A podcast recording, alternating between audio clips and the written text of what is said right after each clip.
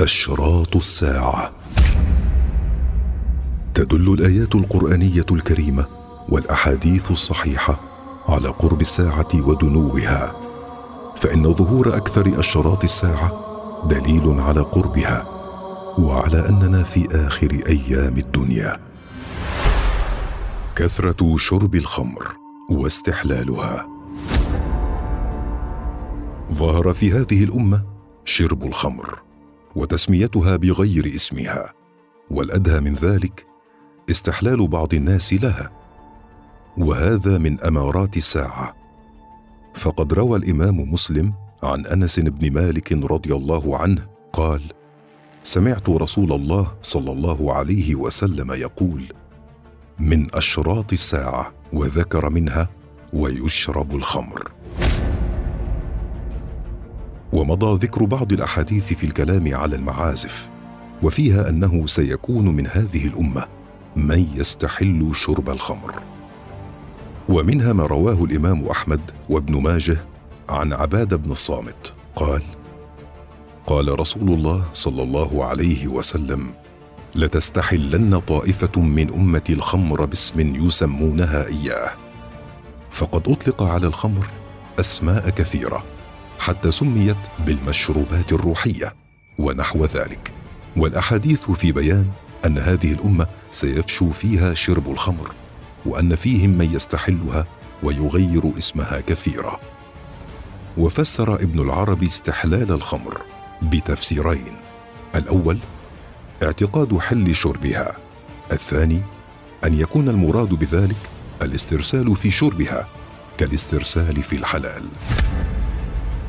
وذكر أنه سمع وراى من يفعل ذلك وهو في زمننا هذا أكثر فقد فتن بعض الناس بشربها وأعظم من ذلك بيعها جهارا وشربها علنية في بعض البلدان الإسلامية وانتشار المخدرات انتشارا عظيما لم يسبق له مثيل مما ينذر بخطر عظيم وفساد كبير والأمر لله من قبل ومن بعد.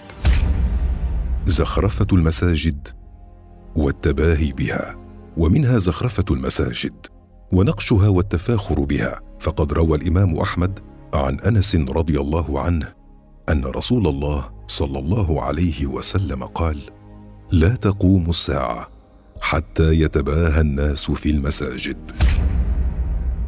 وفي رواية للنسائي وابن خزيمة عنه رضي الله عنه أن النبي صلى الله عليه وسلم قال من أشراط الساعة أن يتباهى الناس في المساجد.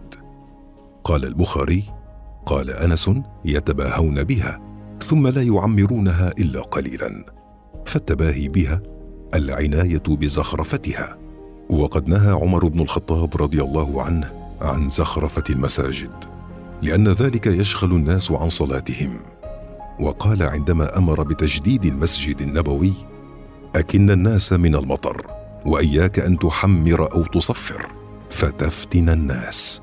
فإن الناس لم يأخذوا بوصيته ولم يقتصروا على التحمير والتصفير بل تعدوا ذلك إلى نقش المساجد كما ينقش الثوب.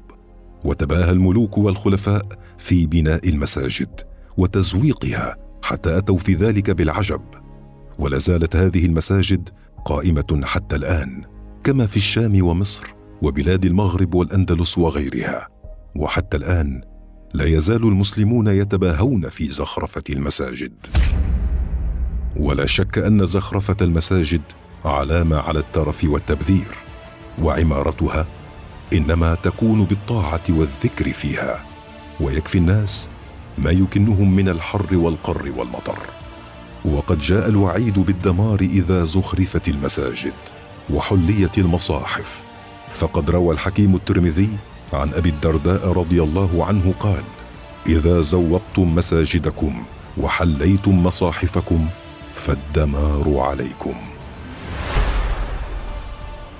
قال المنوي فزخرفة المساجد وتحلية المصاحف منهي عنها لأن ذلك يشغل القلب ويلهي عن الخشوع والتدبر والحضور مع الله تعالى والذي عليه الشافعية أن تزويق المسجد ولو الكعبة بذهب أو فضة حرام مطلقا وبغيرهما مكروه.